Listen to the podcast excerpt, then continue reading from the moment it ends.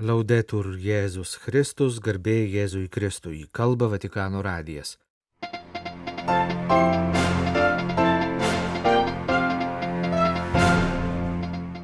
Priartėjo popiežiaus kelionė į Vengriją, tai bus proga ir melstis už taiką Vengrijos kaiminystėje esančioje Ukrainoje. Katalikiškųjų institucijų karitatyvinė veikla - karą kenčiančių žmonių labui Laidos antroje dalyje kalbėsime apie pasirengimus šią vasarą Lisabonoje vykstančioms pasaulio jaunimo dienoms. Prieš išvykdamas į Vengriją popiežius priims Ukrainos premjerą Denisą Šmichalį. Ukrainos vyriausybės vadovo vizitas Vatikane įvyks balandžio 27 rytą. Tai bus antrasis dabartinio Ukrainos premjero susitikimas su popiežiumi Pranciškumi ir pirmasis po Rusijos plataus masto agresijos prieš Ukrainą. Pirmasis susitikimas įvyko 2010 kovo 25-ąją. Reikia padaryti, ką nors daugiau dėl taikos. Italijos katalikų žinių agentūrai SIR sakė Maskvos Dievo motinos arkivyskupijos vadovas arkivyskupas Paulio Peci. Pasak arkivyskupo, Tarp Rusijos sostinės gyventojų jaučiama vis daugiau įtampos žmonės dabar kalba apie tai, kaip prisitaikyti prie situacijos, iš kurios nelabai yra išeities. Manau, kalbėjo arkivyskupas, kad popiežiaus kelionė į Vengriją yra labai gera proga atnaujinti raginimą siekti taikos.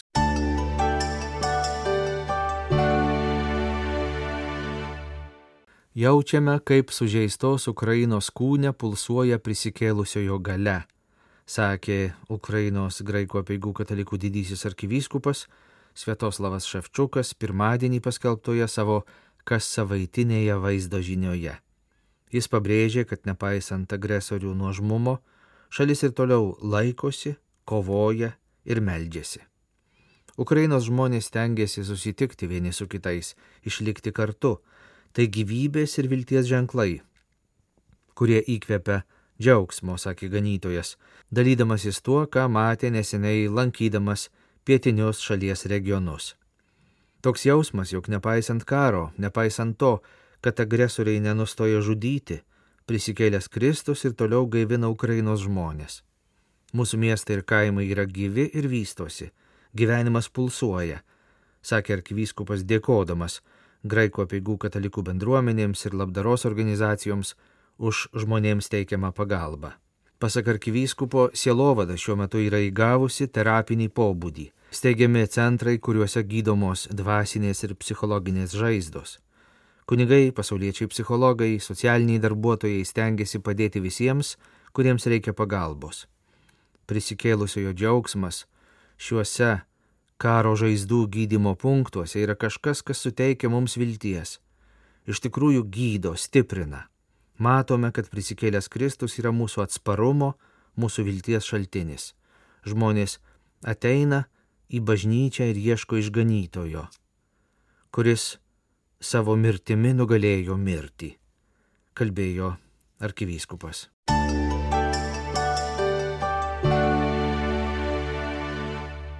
Berislavė, kuris devynis mėnesius buvo okupuotas rusų, dabar ištuštėjusiame Kasdien virš šimto žmonių susėda prie stalų priešais altorių ir gauna karštą patiekalą. Klebonas Aleksandras sako, kad situacija siaubinga, tačiau jie bando gyventi kaip viena šeima. Kai 2011 metais kunigas Aleksandras Bilski pradėjo tarnystę graikų katalikams Berislavė, pietų Ukrainos Hersono regione, čia buvo tik dvi graikų katalikų šeimos. Tačiau tai jo netrikdė, jis priėmė pasitikėdamas Dievu ir sakydamas, jei viešpats nori, reiškia turi planų. Dabar praėjus metams nuo karo pradžios kunigas Aleksandras supranta, kad iš ties viešpats turėjo planą. Berislavas įsikūręs prie Dnipro buvo okupuotas rusų karių per pirmąjį invazijos etapą, o lapkritį buvo ukrainiečių išvaduotas. Prieš karą Berislavė gyveno 12 tūkstančių gyventojų, daugelis paliko miestą, dabar liko apie 4 tūkstančius. Rusų okupacijos metu maža graikų katalikų bendruomenė kasdien ruošia karštą maistą labiausiai stokojantiems savo ką tik pastatytoje bažnyčioje. Stokojančių skaičius vis augo, nes okupacija nutraukė maisto tiekimą. Penki kepalėliai duonos ir trys žuvis. Kunigas Aleksandras pasakoja, kad valgykla stokojantiems atidaryta 2021 spalį. Ji buvo skirta paremti vargšus, ypač nukentėjusius nuo pandemijos. Valgykla pavadinta penki kepalėliai ir trys žuvis. Kai pradėjome šį projektą, turėjome maždaug tokius pačius evangelinius resursus, nes parapija maža, virš 30 žmonių. Pasakojo kunigas, pridurdamas, kad Dievas palaimino tuos penkis kepalėlius ir kelias žuvis ir su geradarių pagalba jie pradėjo maitinti stokojančius žmonės. Prieš karą buvo valgydinama 30 žmonių sekmadieniais šalia bažnyčios, dedikuotos septyniems broliams Makabėjams, kuri turėjo būti pašventinta 2022 m. rūpjūtį. Karas nubraukė visus planus. Prasidėjus karui 2022 m. vasario 24 d. kunigas buvo išvykęs į kitą miestą rinkti paramos. Vos sužinojęs apie karą išvyko į Berislavą tačiau ukrainiečių kariai jo nepraleido dėl per didelio pavojaus. Rusų kariai jau buvo mieste. Kunigas bandė išvykti dar tris kartus, bet nesėkmingai. Laikinai jis apsistojo Mikolajime, kad būtų arčiau savo parapiečių likusių okupuotoje zonoje ir kai tik galės išvyktų. Vasario 27 dieną jis susisiekė su valgyklos savanoriais ir nutarė, kad įrengs valgyklą pačioje bažnyčioje, nes iškilo didžiulis poreikis maitintis tokojančius kasdien. Žmonės liko be maisto, pinigų, parduotuvės buvo tuščios. Tad nuo vasario 28 dienos iki dabar bažnytėlė atvira ir kasdien pamaitina 120-130 žmonių. Kai Berislavė vieni parapijos savanoriai ruošė ir tiekė maistą bažnyčioje, kiti nuneždavo žmonėms tiesiai į namus, kunigas Aleksandras ieškojo, kur gauti maisto produktų. Prašė paramos iš organizacijų, pirko produktus, siuntė į Berislavą pirmin ir atgal kursuojančiais autobusiukais, kurie evakavo žmonės iš okupuotų zonų. Kai tranzitas buvo sustabdytas, rado kitą būdą. Jo parapiečiai prašydavo kaime gyvenančių žmonių parduoti daržovių mėsos. Jaunas klebonas su jauduliu prisimena lapkričio 11 dieną, kai sužinojo apie Berislavo išlaisvinimą.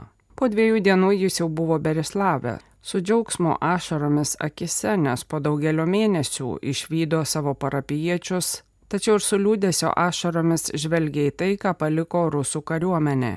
Žmonių situacija dramatiška, tad kunigas nutarė ir toliau kartą per savaitę vykti į šalies vakarus rinkti paramos. Graikų apieigų katalikų kunigas dalina humanitarinę paramą ne tik Bereslavę, tačiau ir aplinkiniuose kaimeliuose. Šaltais žiemos mėnesiais, kai gyventojai liko be elektros, vandens, dujų, Remėjų dėka jis nupirko 2000 šiltų antklodžių, kurias išdalino senukams, ligonėms, šeimoms su mažais vaikais. Šiais siaubingais karo mėnesiais, kurie verčia ukrainiečius kitaip pamatyti daugelio dalykų prasme, kunigas Aleksandras aiškiau supranta savo pašaukimą Tiems žmonėms, tiek parapiečiams, tiek visiems Berislavo gyventojams stengiuosi būti kaip tėvas, pasirengęs išklausyti, paguosti, padėti, nes esame didelė šeima, kur kiekvienas pažįsta kito poreikius ir kur visi supranta vieni kitus be žodžių. Ši geranoriška atmosfera tarp žmonių padeda atlaikyti įtampą dėl nuolatinio pavojaus, praradimo skausmą, kurį išgyvena mažo miestelio gyventojai. Nuo tada, kai buvo išvaduota dalis Hersono regiono, taip pat ir Berislavas, rusų kariai įsitvirtino kitame Dniepro krante. Graikų katalikų parapija stovi kaip tik ant upės kranto, tad iš jos matosi rusų okupuotas krantas, nuo kurio skiria apie 5 km. Raginame žmonės išvykti, nes Berislavas ir kiti miesteliai dešiniajame krante yra nuolat apšaudomi, nuolatinė grėsmė gyvybei. Nepaisant visko, parapijos valgykla nesustoja ir toliau kartą per dieną siūlo karštą patiekalą. Kalbėdamas apie savo parapiečius, klebonas Aleksandras sako, žmonės iš tiesų pažinsi sunkiais momentais. Supratau, kad jie mūsų laikų didvyriai. Neįtikėtina, kaip jie pasirengia aukotis, kad padėtų kitiems, kasdien iš jų mokausi. Net girdėdami bombardavimus, nors jai ir bijo, stengiasi pabaigti ruošti maistą, nes žino, kad žmonės alkani ir laukia maisto. Kasdien paruošti valgyti 120 žmonių nelengva, paskui reikia maistą ir patiekti, viską sutvarkyti. Be to, dar 50 porcijų nešama žmonėms į namus, kurie patys negali ateiti. Pavyzdžiui, vienas pensininkas savanoris dviračiu kasdien išvežioja 30 porcijų, kitas 20 nuneša socialiniai darbuotojai. Kunigas pasakoja, kad kartais jis būna labai pavargęs po ilgų kelionių, per kurias ieško produktų. Tačiau, kai grįžta į Berislavą, žvelgia į tuos žmonės ir viešpat suteikia jam jėgų. Matau, kad jie aukojasi dėl artimo ir tai negali neįkvėpti.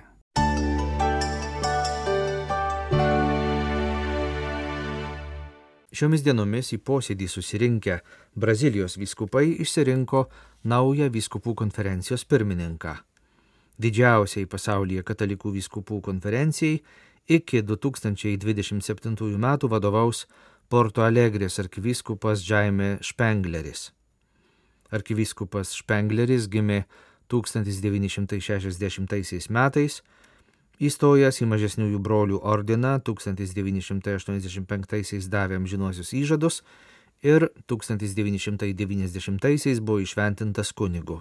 Studijavo Jeruzalėje ir Romoje, tarnavo Brazilijos pranciškonų parapijose, 2010-aisiais buvo paskirtas Porto Alegrės arkivyskupijos vyskupų auxiliaru, o 2013-aisiais arkivyskupu.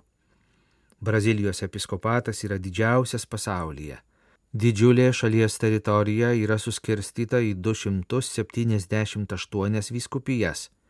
Vyskupų, ordinarų, auxiliarų ir emeritų iš viso šiuo metu yra 489. Jie sudaro daugiau nei 9 procentus visų pasaulio vyskupų.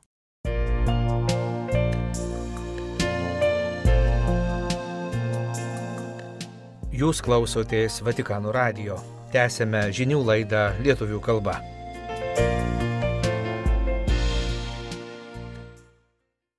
Pasaulinių jaunimo dienų Lisabonoje organizatoriai neslėpia, kad jų širdis pradeda plakti stipriau, jaudulio ir adrenalino vis daugiau. Balandžio 23 dieną buvo peržengtas šimto dienų slengstis iki šio didelio renginio, kuriam rengtasi keletą metų pradžios ir likusios dienos ištirps nebejotinai greitai. Pasak organizatorių, iš ankstinių registracijų skaičius viršijo pusę milijono, pasiekė 550 tūkstančių. Pirmasis simboliškai užsiregistravo popiežius Pranciškus. Laukiame daug jaunų žmonių iš viso pasaulio iš anksto registravosi praktiškai visų valstybių atstovai. Mes labai džiaugiamės matydami, kad tai bus iš tiesų tarptautinis susitikimas, kuriame bus daug kultūrinės ir geografinės įvairovės. Portugalijos katalikų žinių interneto svetainiai Eklezija sakė Duarte Richardi, organizacinio komiteto vadovas, koordinuojantis apie 150 savanorių komandą. Erdvė, kurioje pirmosiomis rūpiučio dienomis įvyks keli pagrindiniai pasaulinių jaunimo dienų susitikimai, inauguracinės mišios, kurioms vadovaus Lisabonos arkivyskupas ir patriarchas, susitikimas su popiežiumi ir kryžiaus kelio apėgos, yra Eduardo VII parkas pačiame Lisabonos mieste, užimantis apie 26 hektarų plotą. Pasak Richardi, bus užpildytas ne vien šis parkas, bet ir į jį vedančių alėjų prieigos. Be to įsirašymas į jaunimo dienas tęsis ko ne iki paskutinės minutės, žinant, kad ne visi gali planuoti savo laiką iš anksto, be to bus ir neužsiregistravusių dalyvių. Vis dėlto tie, kurie nori gauti nakvynės vietą, Lisabonos ar aplinkinių viskupijų parapijose piligrimo kortelę, maisto ir transporto kuponus Visą būtiną informaciją kviečiami užsiregistruoti, pakvietė pasaulinio jaunimo samborio organizatorius. Be pagrindinių susitikimų Eduardo VII parke, primena Duarte Richardi, programoje numatyta šimtai kitų - muzikos, šokio, sporto renginių, parodų, maldos susitikimų. Vien Lisabonoje yra skirta 80 erdvių pasaulinio jaunimo samborio renginiams, kuriais norima parodyti visus bažnyčios veidus, bažnyčios skirtingumą ir vienumą tuo pat metu. Renginius planavo ne vien portugalai organizatoriai, buvo paprašyta ir gauta daug idėjų iš viso pasaulio jaunų katalikų iš visų penkių žemynų. Pasak organizatorių, bažnyčioje vietos yra kiekvienam ir kiekvienas gali atrasti tai, ko ieško. Giliausiams jaunuolių paieškoms bus skirtos dvi specialios erdvės.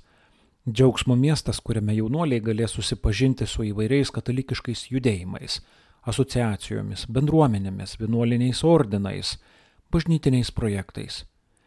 Jaunuoliai galės klausti, diskutuoti, išgirsti liudijimų apie tai, kaip ir kur galima susitikti su Kristumi ir ką reiškia jam pasakyti taip. O šalia įrengtoje kitoje erdvėje bus kviečiama iš arčiau susipažinti su gailestinguoju Kristumi per susitaikymo sakramentą. Įvairių Portugalijos kalėjimų globotiniai pagamino 150 klausyklų, kuriuose būdėjęs įvairiomis kalbomis kalbantis kunigai pasiruošę suteikti Dievo atleidimą.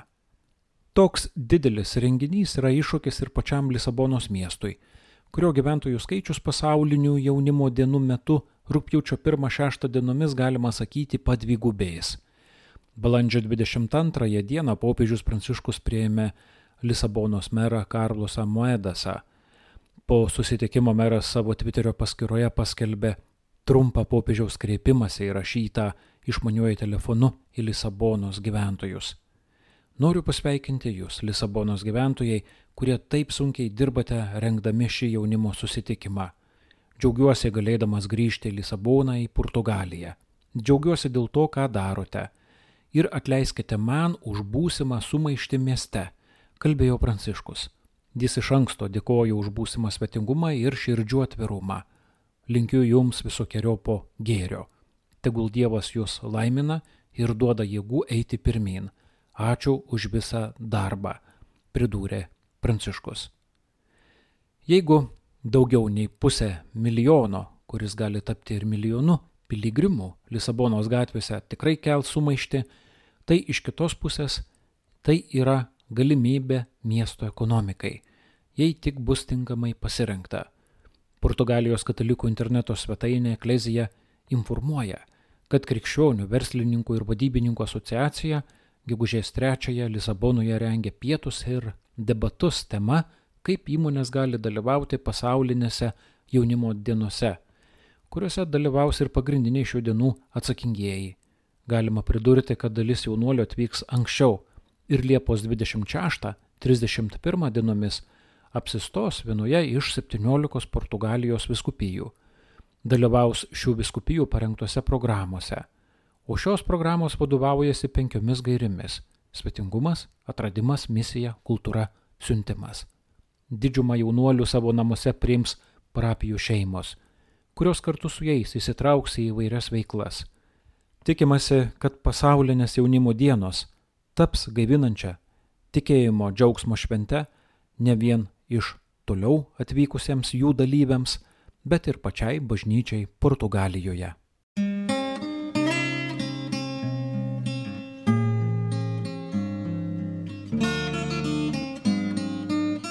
Kalba Vatikano radijas. Laidą lietuvių kalba baigėme. Garbėjai Jėzui Kristui, laudetur Jėzus Kristus.